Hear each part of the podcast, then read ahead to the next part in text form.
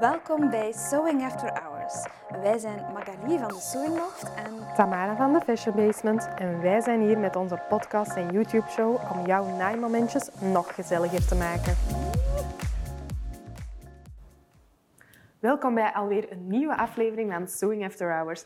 Vandaag gaan we het hebben over de 10 naai-must-haves. Want wat zijn nu de misbare en onmisbare, vooral uh, zaken die we nodig hebben als we gaan naaien? Magali.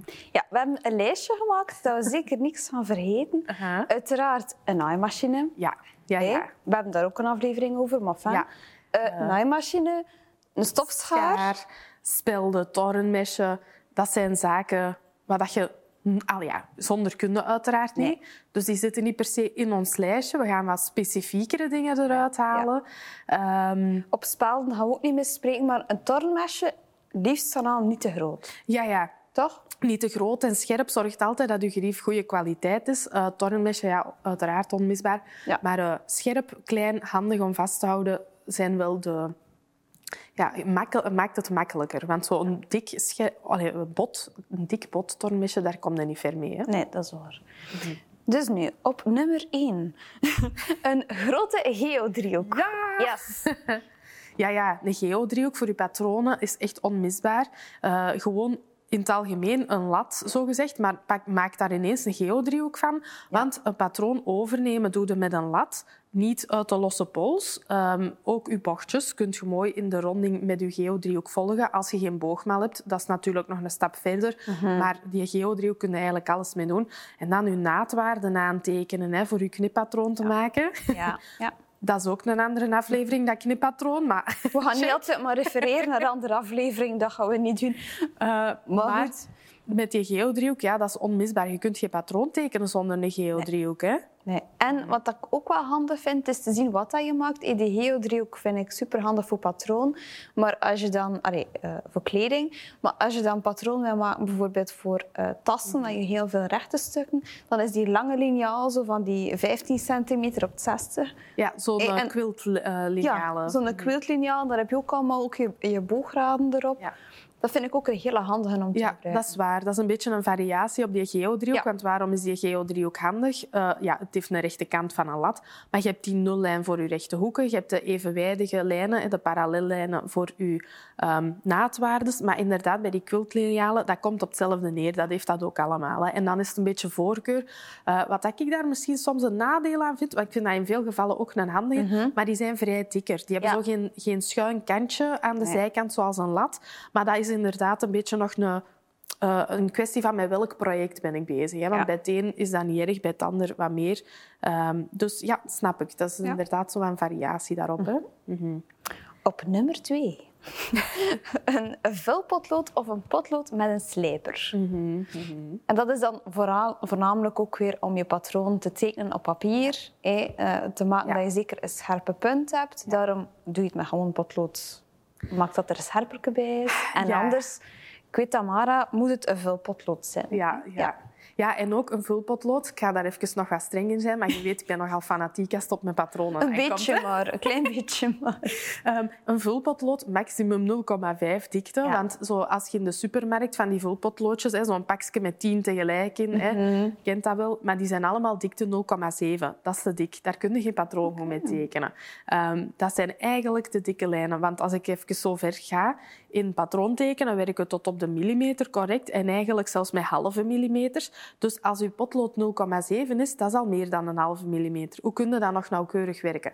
Natuurlijk, ik weet het, dat is heel fanatiek. Dat ga ik niet aan iedereen opdringen.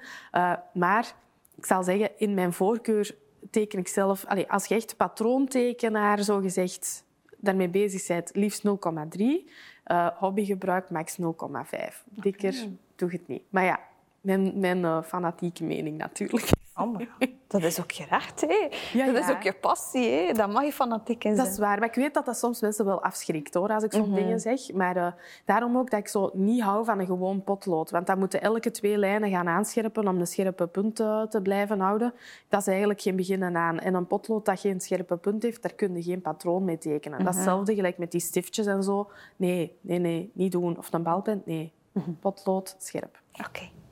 Dan op nummer drie hebben we een lintmeter. En natuurlijk liefst van al een lintmeter die niet uittrekt. Yes, graag. En ik weet dat we er daar zijn wij al twee fanatiek dan weer. Ja, heel fanatiek. Eh, want die lintmeters, eh, liefst dan al eentje die geweven is, want dan kan je hem niet gaan uittrekken. Die andere, eh, dat is ook zo'n slechte gewoonte. Ja. Je rolt dat zo helemaal op en op het einde heeft er zo nog een hoek dat dat goed strak goed strak is. En dan ga je gaan zien en dan ga je merken dat heel die lintmeter al geblazen is en, vond en uitgerokken. eh, als kind, had mama haar naaikist, dan pakte ik die lintmeter en was ik daar aan het trekken, want dat maakte zo'n geluidje en ik vond dat heel leuk.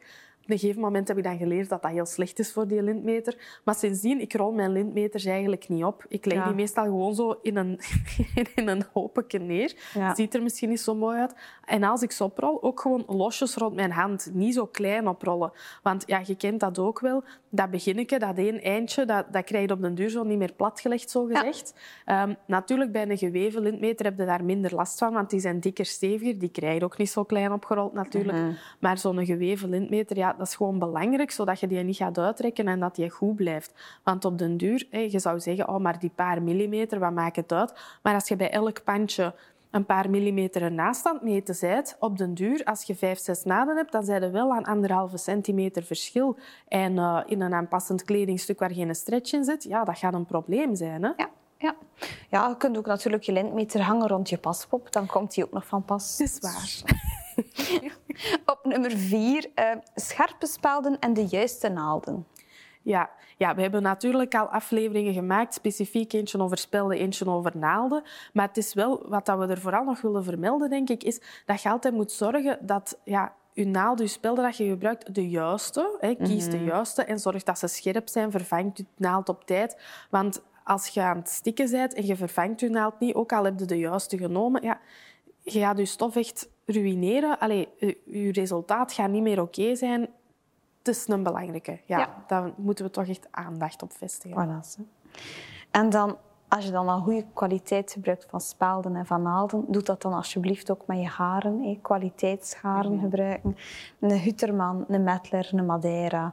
Maken dat je een goed merk hebt genomen. Dat je weet dat dat ook niet begint te pluizen of dat dat snel springt. Eh, Ja. Hoe verleidelijk dan die boxjes allemaal zijn, Ja. dat ze apart liggen. Ja, en ook bijvoorbeeld wat ik, wat ik soms ook wel tegenkom, zo voor eh, kerstmis krijg je dan zo keifier van iemand, zo een doosje met al, die, met, met al die kleurtjes in. Dat is dan leuk dat je dat gekregen hebt, maar gebruik dat als schade voor een keer eens iets aan te duiden, hè, een driedraadje ergens trekken of zo. Ehm, maar daarvoor komt dat nog wel eens van pas. Of misschien een knutselprojectje, niet om te naaien. Ook als, zo, als je iets erft van de grootmoeder of tantes uit de familie of zo, dan brengen ze dat ook altijd langs. Hè. Zo krijg je een hele collectie bij elkaar. Ja, ik heb ooit eh, mijn, mijn allereerste naaidoos eh, voor, voor de start van de naailessen eh, was op tweedehands gevonden. was zo een naaidoos van de jaren 60, zo, zo helemaal verheeld plastic. En dan van onder was dat maar rood vilt, maar dat ging zo open, dat allemaal vakjes en ja, dat is helemaal mijn ding. Ja. Dus, en dat zat ook vol met spelden en met, ehm, en met, ha- met haren. Maar ja, dat haren dat is allemaal al... Ja, mhm. Maar het blijft wel een mooie vintage iets om te hebben. ja, ja ik heb ze zo in een potje staan en Ja, inderdaad. Dat doe ik soms ook zo. Van die gaartjes of eh, van die naai eh, in een potje en gewoon als decoratie. Hè.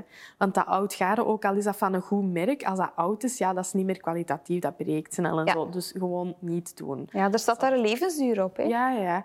En als je, je hebt daar net een aantal merken opgenoemd, eigenlijk, hè, die Gutterman, Madeira, eh Amman Mettler. Je hebt ook nog Code Strima, dat is ook nog een goeie. Eh, en op zich zijn daar altijd een kleine verschillen tussen de merken, maar dat zijn wel de merken die, waarvan dat je weet, het is oké. En dan zijn er natuurlijk mensen die nog een lichte voorkeur voor het een, voor het ander hebben. Ehm, maar op zich zijn dat allemaal goede gares die glad zijn, ehm, die ja, sterk getwijnd zijn, die in je machine geen pluis gaan achterlaten, geen vetten en olie die in je machine tussen de spanningsschijven opstapelen. Ehm, sterk zijn, dus dat zijn zo'n beetje ja, de goede merken om naar op zoek te gaan. hè. Dan hebben we op nummer 6. Precies de quizshow. Rappen.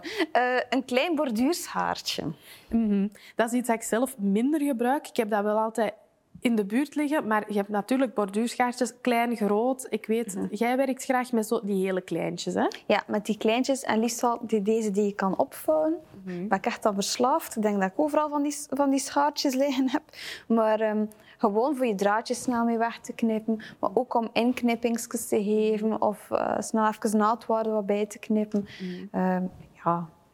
En liefst dan alles een scherpe punt heeft. Hè. Ja. En als het kan, dat, dat de handvat wat gewicht heeft. Ja. Ik ben dan heel specifiek op mijn schaartjes. Ja, met hetzelfde hoor. Maar ik heb dat ook zo met eigenlijk alles. Of dat je nu een schaar of een potlood of een balpen of zo hebt, iets met wat gewicht in je hand, dat werkt gewoon beter. Ja. Daarmee ook dat ik zo die heel kleine, fijne borduurschaartjes, daar werk ik niet zo graag mee. Mhm. Maar wel zo één formaatje groter, omdat die wat meer gewicht hebben in de hand. Ja. Maar inderdaad, een borduurschaartje kun je wel niet missen voor af en toe eens een klein, gelijk een incrustatie onder je machine. Als je moet gaan inknippen terwijl je stof onder die persvoet ligt, ja, dan moet je wel even een klein schaartje hebben. Ja. Ehm, dus ja, ja, onmisbaar zeker en vast. Ja. Oké. Ja, en zo die pinkschaartjes, dat vind ik echt vreselijk. Nee, kan ik ook niet mee werken. Sorry. Nee, ja, nee, nee dat is Ja. inderdaad. Ik weet dat heel veel mensen dat juist heel handig vinden en bij hun machine hebben liggen. Voor mij werkt dat ook niet zo goed. Ik heb liever een gewoon, gewoon Het schaartje. geluid alleen al. Hè. Je moet zo precies Ja, maar- zo drie keer... Als kind had ik zo'n papierschaartje. En dan Ah, moest je ja. ook zo blijven. Dat is zo een botschaartje. Dat, dat pinkschaartje doet me daar wel aan denken. Ja, ja, dat is waar. Ja. Dan hebben we op zeven magneet voor spelden. Mhm, Uiteraard. Daar denk ik dat ook eh, de doelen van de magneet kunnen uiteenlopend zijn. Want Mhm. je hebt hè, die magneten waar dat je echt je spelden kunt opleggen, dat je gebruikt als een speldenkussen, zal ik maar zeggen, staan naast je machine. Ehm, ik heb dat bijvoorbeeld niet. Ik heb wel een gewoon magneet, maar ik gebruik dat niet om mijn spelden op te leggen als speldenkussen, zogezegd. Want dan heb ik toch het gevoel dat die zo wat meer magnetisch worden. Ze blijven eens aan elkaar plakken. Ik kan ze minder snel oppakken. Dus ik zal sneller mijn spelden gewoon in een doosje laten. Daar werk ik eigenlijk graag mee. Ehm, maar natuurlijk, als je je doosje eens laat vallen, dat gebeurt geregeld, ja, dan heb je met die magneet wel snel alles bij elkaar. Ja. Maar ik weet dat veel mensen ook wel het wel graag gebruiken als soort van speldenkussen. En Ja. je hebt ook graag die dat je zo rond je pols doet, denk Ja. ik. Hè? Ja, dat is zo... Ja, zo eentje dat je zo slaat en dat hem aanpast. En dan zit er dan een magneet op. Ziet er zo'n beetje als een fancy eh, watch uit. Maar goed, hé, het is maar een magneet. Maar dan, als ik bezig ben, hop, gooi het er naartoe en blijft erop hangen. En ja. ja, dat vind ik handig om mee te werken. Liever dat dan dat ik echt de handeling moet doen van uithalen en prikken in dat Ja. speldenkussen. Ja, speldenkussen heb ik ook nooit niet echt mee kunnen werken. Ja. Bij mij is het altijd dat potje. Maar ik snap het wel, want dat is Ja. inderdaad... Ja, je gooit er naartoe en het is, allez, het is sneller, zo gezegd. Hè? Ja. ja, en ik heb kleine, uh, allee, smalle polsjes. Dus als ik die andere erop zet, dat draait heel de tijd. Dus dat, dan moet ik nog vechten van waar is dat speldenkussen nu naartoe? Dus nee, dat, dat wordt het niet. Ja, snap ik. Snap ik. Ja, ja, ik begrijp het helemaal. En dan op 9, ja, dat is mijn favoriet, dat is een strijkliniaal. Ja, ja, dat is heel handig in gebruik wel. Hè. Ja. Ehm, misschien even uitleggen. Strijkliniaal, eigenlijk een soort matje met aanduidingen, zoals een beetje zo'n quiltliniaal, maar dan heel dun, waar dat je je stof mee kunt omstrijken op je zoombreedte bijvoorbeeld Ja. en zo. Ja. Ehm, ik moet zeggen, ik gebruik dat zelf eh, niet zo vaak, maar Mhm. dat is wel iets wat ik ook, zeker voor beginnende naaisters, dat werkt vrij snel en makkelijk. Dat is dun. Eh, vroeger pakte ik soms nog wel eens zo een kartonnetje waar ik dan Mhm. zelf lijntjes op trok. Maar natuurlijk, dat is niet zo... ehm, duurzaam, want dat vocht trekt in dat karton, dat wordt slap, dat, allee, dat blijft niet. Die strijkliniaal is daarop voorzien natuurlijk. Hè. Ja, en het zitten er ook twee formaten in. hè. Je hebt zo'n... Je kunt hem ook sowieso draaien, hè, maar je kunt hem in de lengte gebruiken. Dan zit er een kleintje in voor, eh, voor de mouw of voor, eh, ja, voor kinderbroekjes. Dat is ook handig Ja, te doen. ja, ja. Ja, handig. ja, ja, inderdaad, zeker. Minder om mee af te tekenen, want dat kan je ook. Het zijn er haartjes in, perforaties. Je kunt die perforaties eruit doen en dan kan je dat ook gebruiken om mee af te tekenen. Doe ik minder. Ik kan Ja. hem echt puur gaan gebruiken om te strijken. Ja.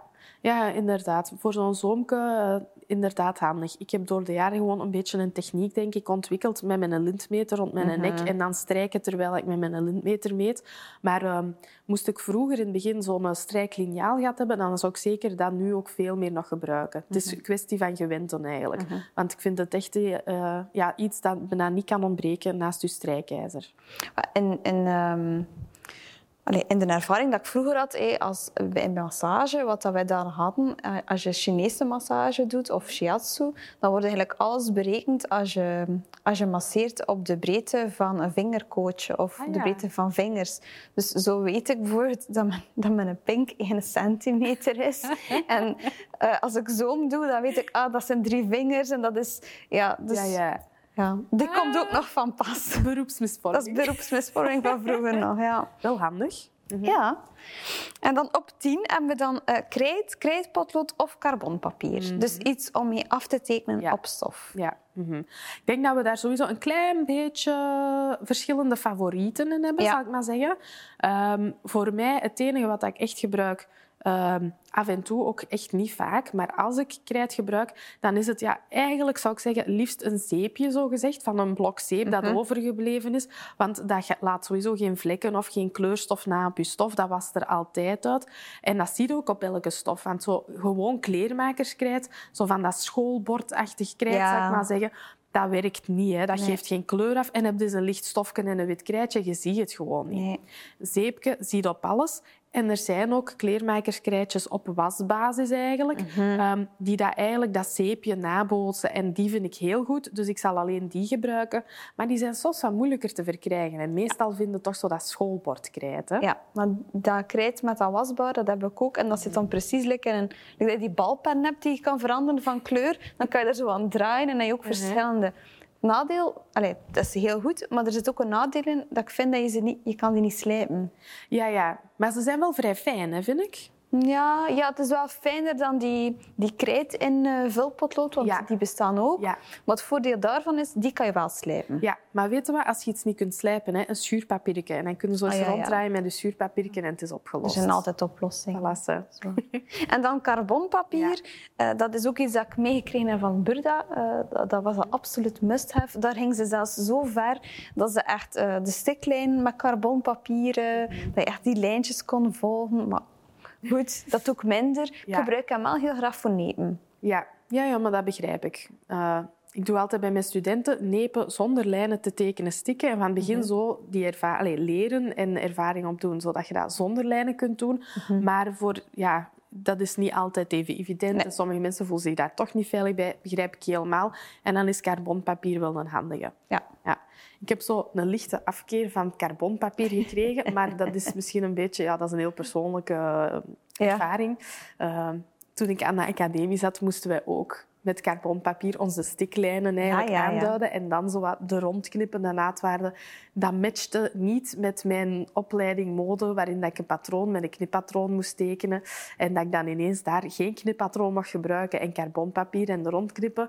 Dat was een gigantische clash, dat kon mijn hoofd niet aan. Dus sindsdien is carbonpapier zo burn baby burn. dus, eh, maar ik, ja, eh, als je die ervaring niet gehad hebt, dan begrijp ik het helemaal. Ja, ja, er zijn voordelen. Er zijn voordelen. Al sinds we hebben een, een mooi lijstje gemaakt, denk ik, van echt Ja. tien naaidingen dat je Ja. absoluut moet hebben. Want Ja. de wereld is zo groot en je wordt zo verleid zo door van alles en nog wat. Ja. Misschien als ik toch nog maar even inpikken op dat Mhm. laatste stukje. We hebben het nu over dat krijt, dat carbonpapier, maar je hebt ook veel van die verdwijnstiftjes en zo. hè? Ah, ja, ja. En dat is eigenlijk wel iets wat ik ge- gewoon wil meegeven. Pas daar altijd mee op. Mhm. Eh, probeer dat toch zoveel mogelijk aan de binnenkant van je stof te doen. Als je van buiten iets aandoet, de, duid het dan aan op een stukje waar dat dan je zak komt over te liggen, maar dat je het zeker niet ziet. Want als er eens iets achterblijft, hè, toch, ja... Allee, je moet het maar eens meemaken. Hè, met zo'n blauw of zo'n paars stiftje op een licht stofje. Eh, Ja, en het, gaat, gevaarlijk, en het hè. gaat niet overal uit. En dan heb je ook nog die frictionpennen. En dat zie ik ook heel veel passeren overal. Ja. Want eh, ja, ja, het verdwijnt. eh, Ja, ja, en je kunt het gewoon in de, in de papierwinkel of in de supermarkt kopen, Ja. maar dat is niet gemaakt voor op je stof. Nee.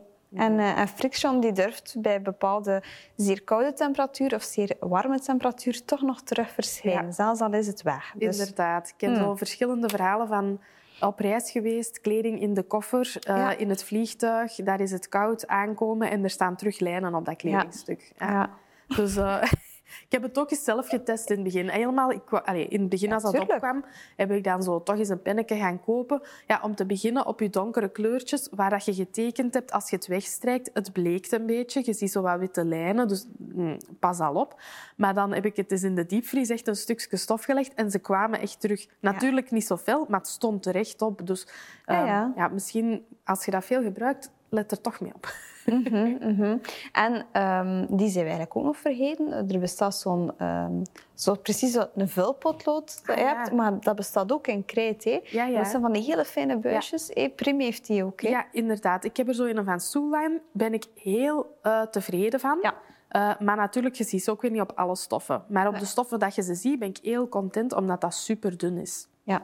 En met dat gedaan al denk ik nog aan iets. Zo van die rolletjes met zo'n wieltje in. Oh, vreselijk. Sorry. Ja. Ja, ik verkoop ze ook, maar ik ben er echt geen fan van. Nee, ja, weet je, de- bij mij het probleem dat ik daarmee heb is een beetje... Ja, je hebt wat verschillende modelletjes, Mhm. tot daar nog aan toe. Maar heel vaak, je, in het begin, je vult ze bij, je zet een lijn en baf, alles hangt Ja. vol. Hè? Dat Ja. komt daar zo te veel uit. En dan ineens is dat gewoon op en dan is er weer niks. Dus het is zo nooit een goede dosering, Nee. bij wijze van Ik, spreken. ik krijg de lijn en vervolgens vaagt dat uit, wordt dat een dikke brede streep. Ja. En Je weet niet meer waar dat uw lijn stond. Nee. Hè? Nee. Nee, vind ik ook, inderdaad. Dus, check. Nog net. hè. nog, nog één dat we er kunnen bijzetten. Amai. Want bijna een aflevering kunnen vullen over krijt. Maar je kunt dat krijt ook slijpen, dat bestaat ook nog. Ja, ja, slijpertjes daarvoor. Ja, ja. Ja. Nee, nee. Maar ik denk inderdaad, als je met iets gaat werken op je stof, probeer er altijd voor te zorgen dat je iets hebt. Test altijd dat er geen residu achterblijft. Belangrijk, probeer het zoveel mogelijk aan te duiden op achterkant of ergens binnenin, waar Ja. dan een zak over of in komt te zitten of zo.